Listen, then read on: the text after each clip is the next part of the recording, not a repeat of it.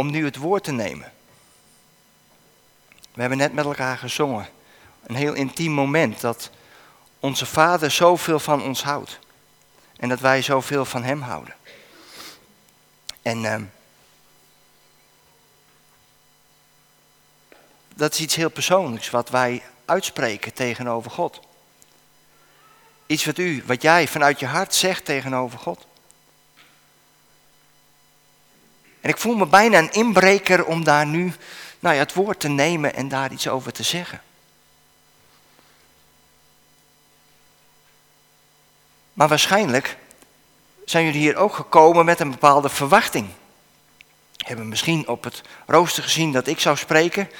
Dan heb je heel goed gekeken, want eigenlijk zou ik vorige week spreken, maar Willem die moest vandaag ergens anders spreken. En die vroeg of ik kon ruilen en dat kon. Dus vandaar dat ik hier nu mag zijn. En ik uh, wil vanmorgen met jullie nadenken over licht en zout eet smakelijk. We zijn als gemeente bezig met een serie over hoe wij als ambassadeurs voor Jezus Christus kunnen zijn. En de Bijbel zegt daar prachtige dingen over, maar onder andere een stukje uit de bergreden. En ik ben even door het hele rooster gegaan van de afgelopen anderhalf jaar. Maar er is nog niemand die over licht van de wereld en zout van deze aarde heeft gesproken. En op zich is dat best wel verwonderlijk, want dit is namelijk een van de eerste teksten waar ik aan zou denken als ik het heb over ambassadeurs. Maar goed, daar straks meer over. Wat zijn je verwachtingen? Met wat voor verwachting ben je hier vanmorgen gekomen? Harry verklapte vanmorgen al hoe zijn verwachting was van gisteravond. Jouw verwachting was dat Nederland wel even zou winnen van Bulgarije. Nou, ik verwachtte dat niet. Helaas. Um, het is triest met het Nederlandse voetbal. Als je dat zo vanaf een afstandje ziet. Maar gelukkig ligt ons geluk niet in een wedstrijd winnen. Maar ons geluk ligt in de Heer Jezus die altijd overwinnaar is. En die gewonnen heeft. En die die overwinning ook nooit meer uit handen gaat geven. Dus dat is wel bijzonder. Maar als je het hebt over verwachtingen van zo'n voetbalwedstrijd, als je het hebt over verwachtingen van deze samenkomst. Wat is de verwachting die jij op dit moment hebt van mij als spreker?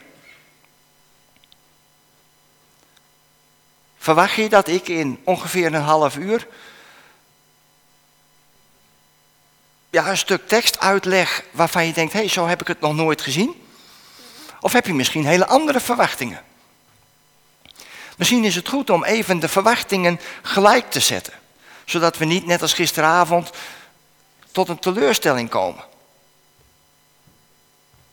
Wat zijn je verwachtingen van deze morgen? Wat zijn je verwachtingen als we de Bijbel open doen en Matthäus 5, vers 13 tot 16 gaan lezen? Wat zijn je verwachtingen? En dan mag je verwachtingen van mij hebben, maar wat zijn je verwachtingen van God? Wat zijn je verwachtingen dat God hier deze morgen is, dat Hij spreekt en dat Hij jouw hart aanraakt? Heb je een grote verwachting van Hem?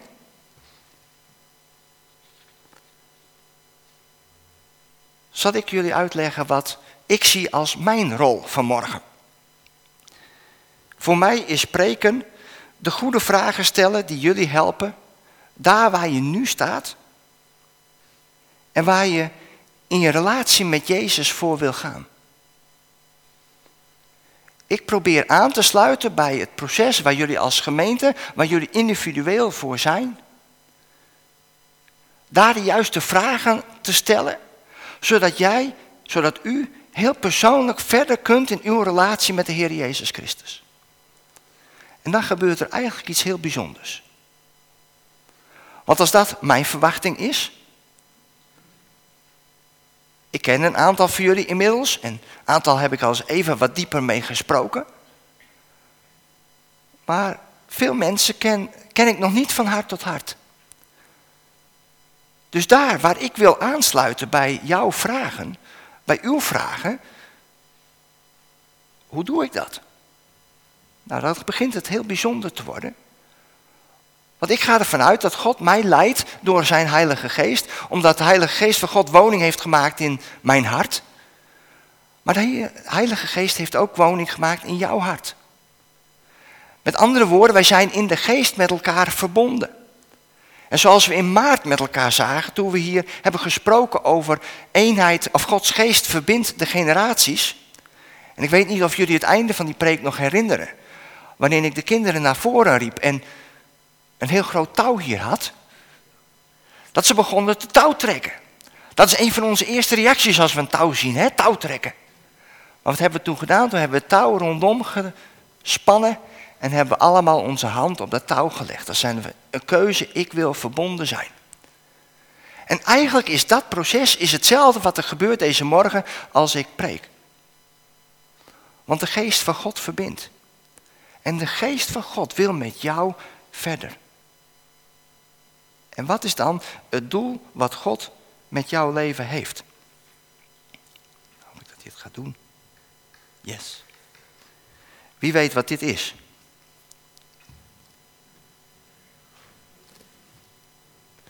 De kleuren vallen een beetje anders dan op mijn scherm.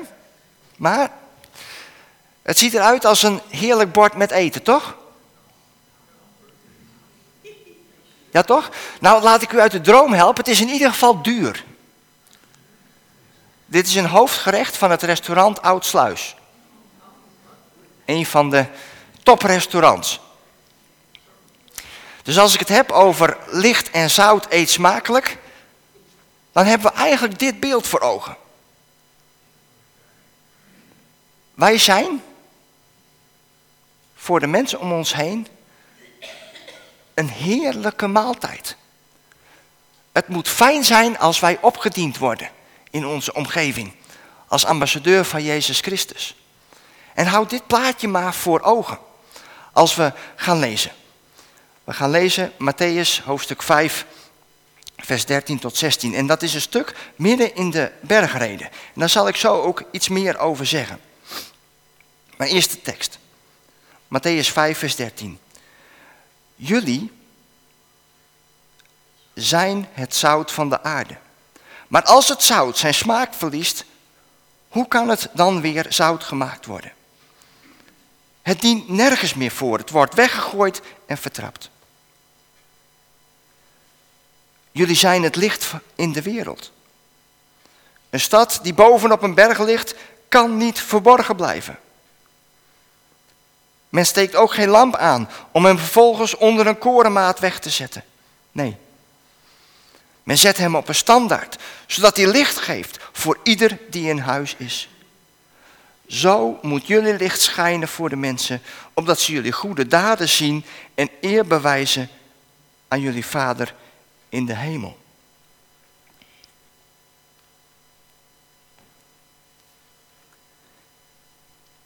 Twee beelden. Zout van de aarde en licht in de wereld. Dat zegt Jezus hier in de bergreden tegen de mensen die naar hem luisteren. Jullie zijn het zout van de aarde, jullie zijn het licht van de wereld. En laten we inzoomen op die twee termen. Wat betekent het licht van de wereld en wat betekent het zout van de aarde? Het eerste van zout van de aarde, en misschien herkennen jullie dat wel, is dat zout een smaakmaker is. Volgens de Nierstichting krijgen we ongeveer een kilo zout te veel per jaar binnen. Maar zonder zout. Ik herinner mijn, mijn oma die altijd zoutloos moest eten. Dat was niet prettig, was niet fijn. Zout geeft smaak. En Jezus zegt, als wij het zout van de wereld zijn, dan zijn wij de smaakmakers van deze wereld. Wij zijn de smaakmakers in de politiek. Wij zijn de smaakmakers in de straat. Wij zijn de smaakmakers op ons werk. Wij zijn de smaakmakers op het feestje. En bent u dat?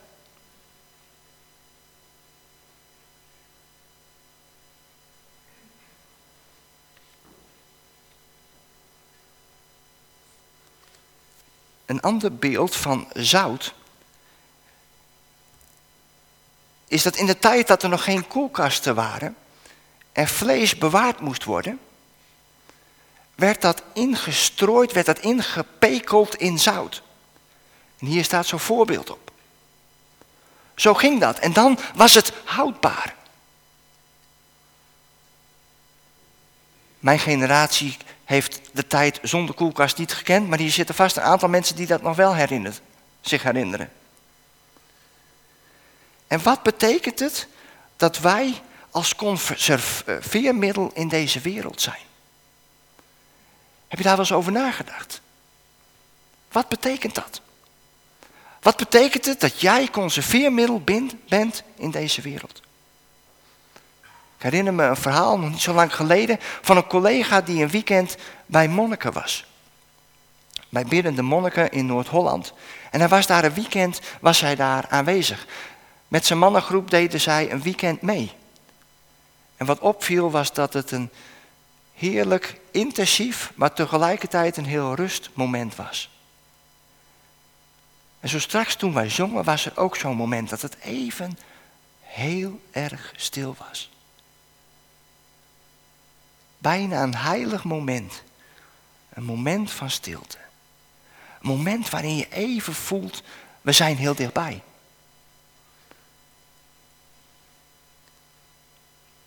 Maar denk eens na, die monniken die zes, zeven keer per dag een uur bidden.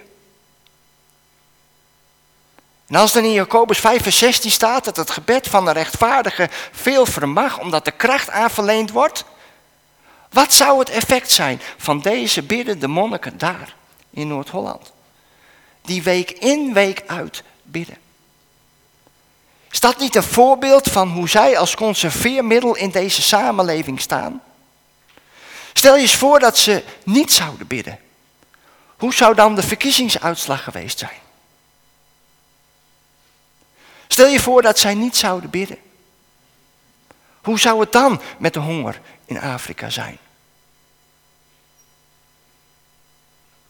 Ik weet het niet, want dit gebeurt in de hemelse gewesten, boven ons zichtbaar vermogen. Maar Jezus zegt hier dat wij zout van de aarde zijn, dat wij conserveermiddel zijn. En weet dat elk moment dat jij je knieën buigt, in stilte, daar waar niemand anders het ziet, dat er in de hemelse gewesten dingen gebeuren. En dat God met al zijn macht en al zijn kracht aanwezig is om deze wereld in zijn hand te houden. Een ander beeld van zout van de aarde is dat zout in ons lichaam zorgt voor een gezonde vochtregulering. Hoeveel procent van ons lichaam bestaat uit water? Wie weet dat?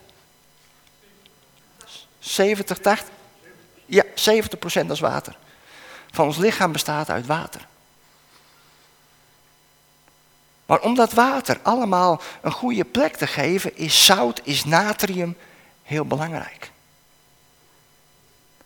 En moet je eens kijken wat dat betekent voor ons als christenen. Dat wij zout van deze aarde zijn.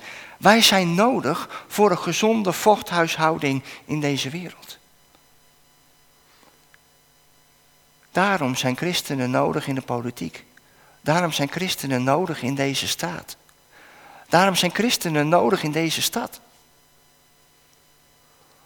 Om te zorgen dat er nog mensen zijn die bijvoorbeeld de voedselbank openen. Die voor Stichting Present aan de slag gaan. Die nog oog hebben voor de mensen om hun heen. En zo zorgen wij als zout van deze aarde voor een gezond functioneren van deze samenleving. En je weet wat er gebeurt als er geen christenen meer zijn als er geen zout van deze aarde meer is in een omgeving. Kijk naar landen als Irak, Iran. Kijk naar landen waar christenen vervolgd worden, waar ze wegtrekken. Daar gaat het ook met zo'n land bergafwaarts. Nog een ander beeld van zout. Ook prachtig. Wie weet wat dit is?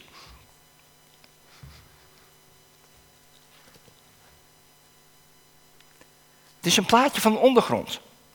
Een plaatje van de ondergrond in Nederland. In Groningen, bij, vlakbij Veendam, daar ligt een hele grote zoutkolom in de ondergrond. de zoutkolom van Zuidwending. En in de ondergrond bestaat dit en blijft daar altijd bestaan. Zout in de ondergrond is een van de hele belangrijke kenmerken. En puur zout vergaat niet. En op het moment dat Jezus hier zegt, jullie zijn het zout van de aarde, zegt hij ook tegen ons, jullie vergaan niet. Jullie blijven voor altijd bestaan. En we hebben gebeden. Voor iemand uit deze gemeente die dichtbij het sterven is van het aardse lichaam. Maar wat is het bijzonder dat ook voor haar dit geldt. Je blijft altijd bestaan. Lieve mensen, als kind van Jezus sterft alleen je aardse lichaam. Je bent voor tijd en eeuwigheid eigendom van Jezus Christus.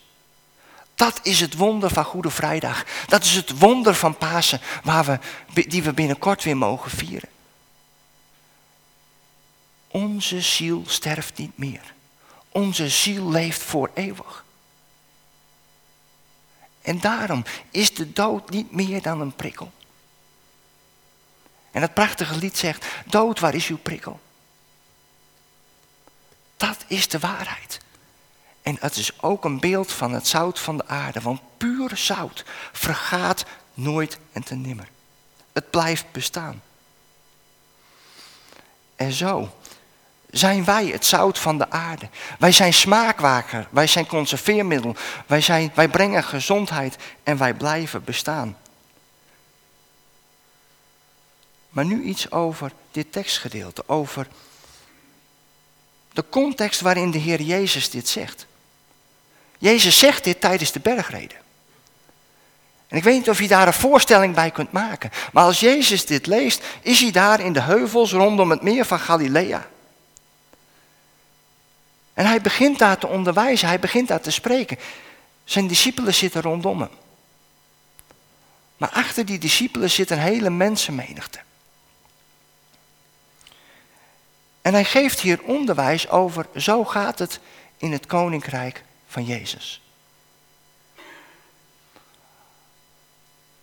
Als minister-president Rutte zegt, zo doen we dat in Nederland, doe maar gewoon, dit is hoe wij als Nederlanders zijn, Jezus doet dat hier in de bergreden. In mijn koninkrijk gaat het zo.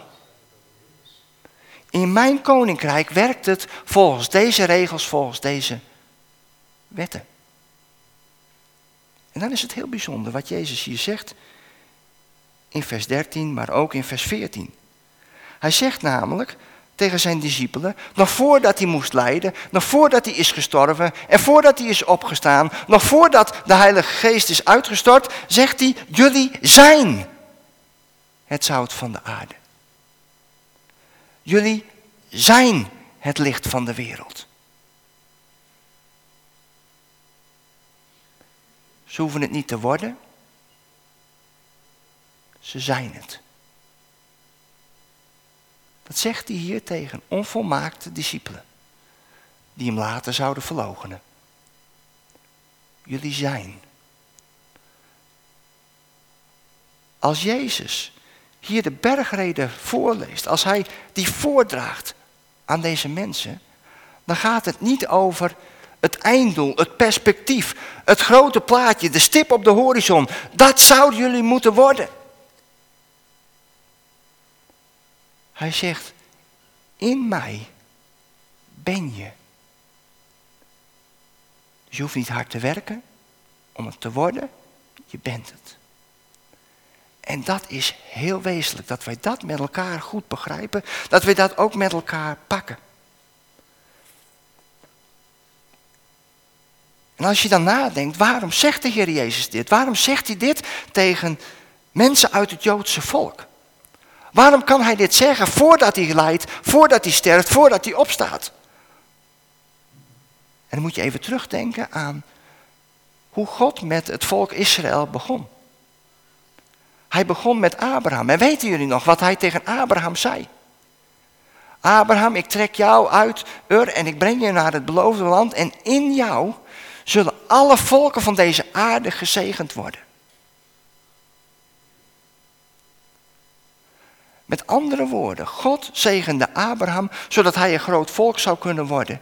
En met dat grote volk zou hij een wonder doen in deze wereld. En het is die belofte, het is die kracht die ook geldt voor die discipelen. Met hun gebreken, met hun fouten. Maar zij zijn nakomelingen van Abraham. En daarom geldt diezelfde belofte voor Abraham voor hun. Maar wij leven na die tijd. Wij leven na Jezus lijden, sterven en zijn opstanding. Wij leven na de uitstorting van de Heilige Geest. En in Jezus zijn wij geënt op dat Joodse volk. Zijn wij mede-erfgenamen, zijn wij kinderen van diezelfde vader. Dus die belofte van Abraham, die geldt ook voor ons. En daarom zegt Jezus ook vanmorgen tegen ons, jij, u, bent het zout van de aarde. U bent het licht van de wereld. En laten we daar ook vanuit die positie nog eens over nadenken. Want wat doet licht van de wereld? Dit is een plaatje van de zon.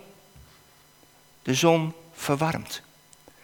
En als wij in de Heer Jezus licht van de wereld zijn, zijn wij warm. Dan verspreiden wij warmte. Daar waar het koud is, daar waar het kil is.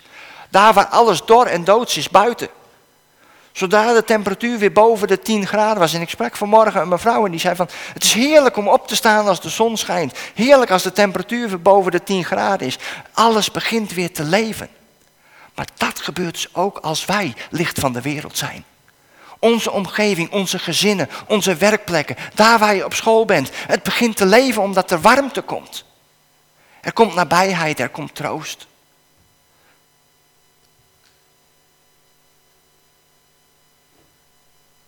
Maar het licht van de wereld brengt ook scheiding. Ben je ooit in een hele donkere kamer geweest? Zoekend naar het lichtknopje. En dan had je het lichtknopje gevonden. En je drukte op het knopje. En in een fractie van een seconde was die hele ruimte in het licht. Dat gebeurt met het licht van de wereld. Het brengt scheiding tussen licht en duisternis. Duisternis kan het licht van Jezus niet verdragen. En daar waar wij komen met onze gebreken, verspreiden wij licht. En dat brengt scheiding. Daar moet de duisternis wijken. Want er is niks zo krachtigs tegen de duisternis dan licht. En nog een prachtig beeld van wat licht van de wereld doet. Het licht van de wereld geeft leven. Ik weet niet of ze dat nog steeds doen op de middelbare school. Laatst hoorde ik van wel. Bij biologie moesten wij altijd een proefje doen van hoe fotosynthese werkte. Dan had je een klein waterplantje en dat moest je in het water doen. En dan moest je een proefje doen met, met de hoeveelheid licht. En hoe meer licht er was, en hoe dichter bij dat licht, bij dat glas met dat waterplantje was, wat gebeurde er dan? Wie weet dat van de jongeren hier? Hebben jullie nog steeds hetzelfde proefje? Nee, nee. Een aantal van mijn generatie herinnert het zich wel, maar wat gebeurde er? Op die blaadjes, daar kwamen zuurstofbelletjes. En die begonnen te borrelen omhoog. Heel klein beetje hoor. Maar hoe dichter bij dat licht kwam, des te meer borreltjes kwamen er omhoog. En zo werkt het ook met ons. Als wij licht van de wereld zijn, dan geven wij leven. En als wij het licht van de wereld zijn, dan verwarmen wij. Brengen wij licht waar duisternis is en geven wij leven. Maar dan is de vraag, hoe doe je dat? Hoe doe je nou dat heel praktisch? Hoe kun je zout van deze aarde zijn en licht van de wereld? Ik wil jullie het volgende laten zien. Wat zegt deze sollicitaat? Dit is een nieuwe manier van solliciteren voor mensen die op zoek zijn naar werk. Je stuurt niet een brief, je stuurt een taart met daarop je sollicitatiebrief geprint. Wie jij bent. En stel je voor, je bent PNO-functionaris van Philips, bijvoorbeeld hier in Drachten. En je krijgt op een sollicitatie 500 brieven en deze taart.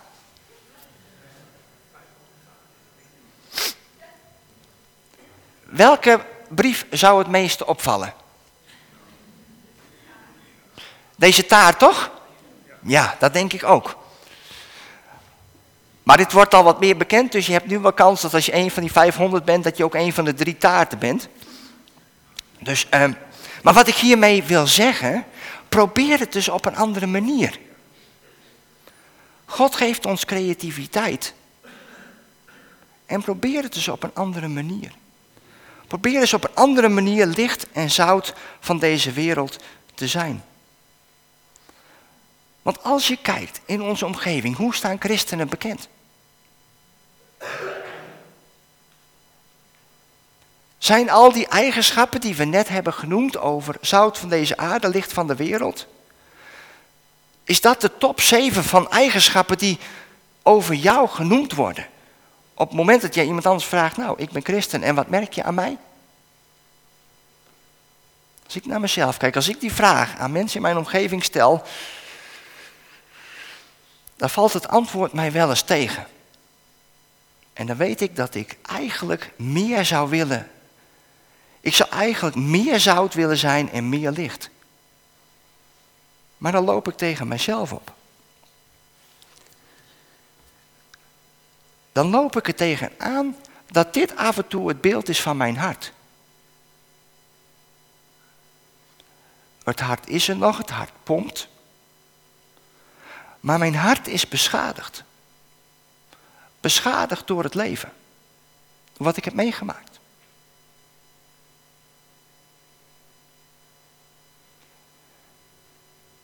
En dit beschadigde hart heeft er best moeite mee om licht van de wereld en zout van deze aarde te zijn. En laat mij dat heel praktisch maken met een persoonlijk voorbeeld. Ik ben geboren met een open lip en een open verhemelte, een hazellip. En uh, toen ik drie maanden was, is dat dichtgemaakt. Het was toen 1976. En toen was de medische wetenschap anders dan nu. Was voor een strikte scheiding tussen nou, kinderen en ouders in zo'n proces van heling. Helemaal daar waar allemaal bacteriën in de mond en alles spelen. Dus ik moest 14 dagen in quarantaine als babytje van drie maanden. En dan groei je op en dan wordt dat gemaakt, wordt dat hersteld en ik heb er eigenlijk heel weinig last van. Ik kan goed spreken. Tenminste, ik heb er niet zoveel moeite mee om duidelijk te spreken, terwijl sommige anderen dat nou wel eens hebben. Dus ik voel me erg gezegend met hoe het medisch gezien gerepareerd is. Maar dan word je ouder. En op een gegeven ogenblik merkte ik dat hey, als ik in spannende situaties kom, dan heb ik de neiging om het zelf te gaan oplossen.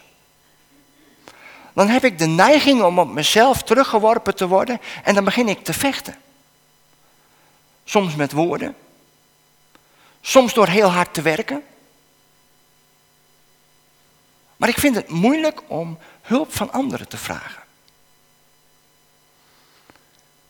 En wat gebeurt er als je met de Heer Jezus wandelt? Dan begin je erover na te denken en begin je aan God te vragen, wat is er aan de hand? Wat speelt het? Waarom zoek ik niet de verbinding met anderen als ik druk ervaar? En een van de dingen die ik ontdekte, was dat toen ik drie maanden was, dat waarschijnlijk een voedingsbodem heeft gevonden in mijn leven. Toen ik daar twee, drie weken alleen in het ziekenhuis lag. En ik op de arm van een zuster voor een raam gehouden werd. En mijn ouders twee keer per dag aan de andere kant van het raam zwaaiden. En ik weer teruggelegd werd in mijn bedje. Terwijl ik als drie maanden oude baby natuurlijk echt wel wat meemaakte daar met zijn operatie. In spannende omgevingen kwam waar ik nog nooit eerder geweest was. En dan kun je je voorstellen dat op dat moment er iets diep van binnen in mij gegroeid is. Dat als het spannend is, dat je er dan alleen voor staat. En later in mijn leven zijn er nog een aantal van die situaties gekomen die daaraan haken. En dat is voor mij zo'n spijker in het hart.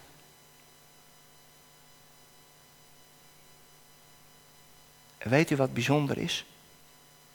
Dat overwin ik niet door meer licht van de wereld te zijn.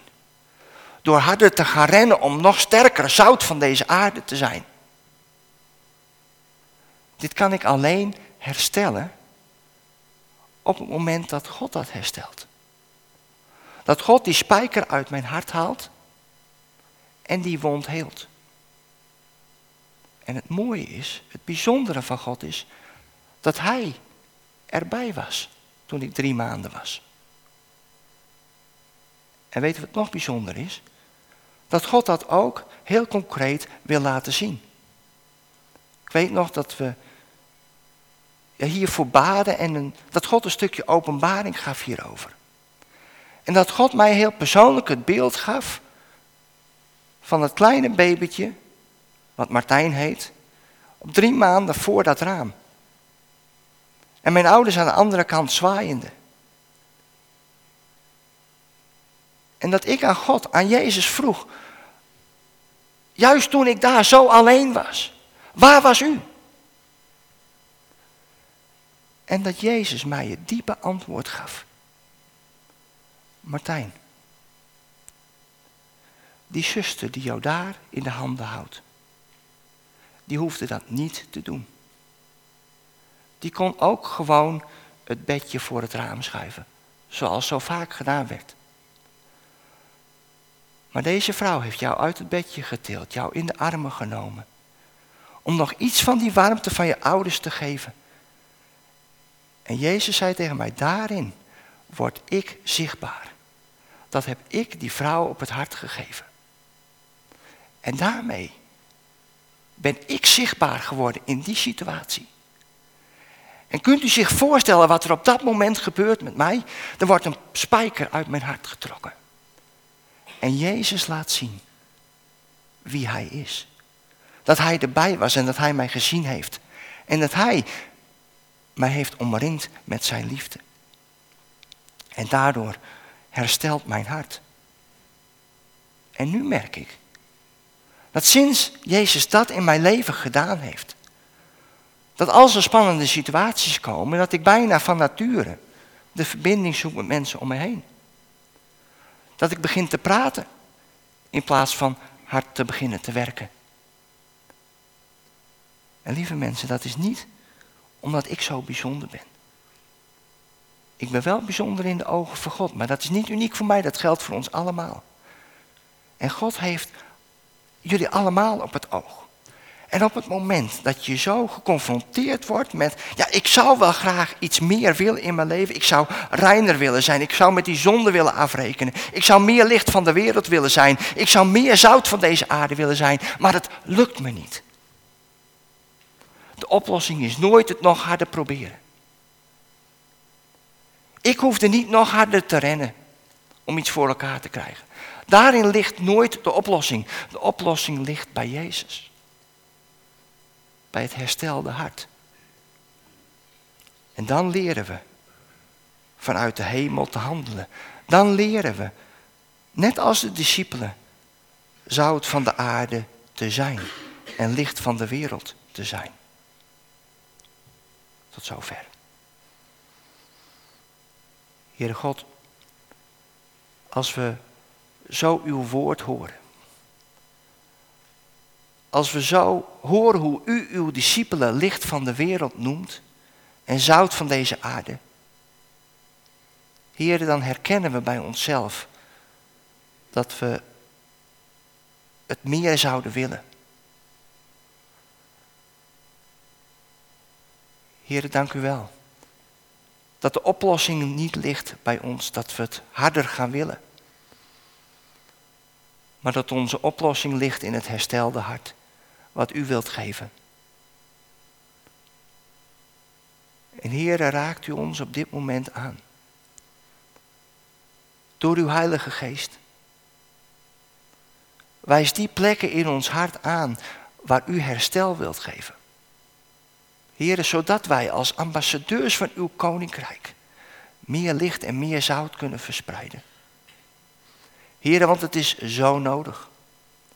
Het is zo nodig dat wij de smaakmaker van deze wereld zijn. Dat wij de verwarmers van deze wereld worden. Heren, zegent u ons hoofd voor hoofd. Maak onze harten heel.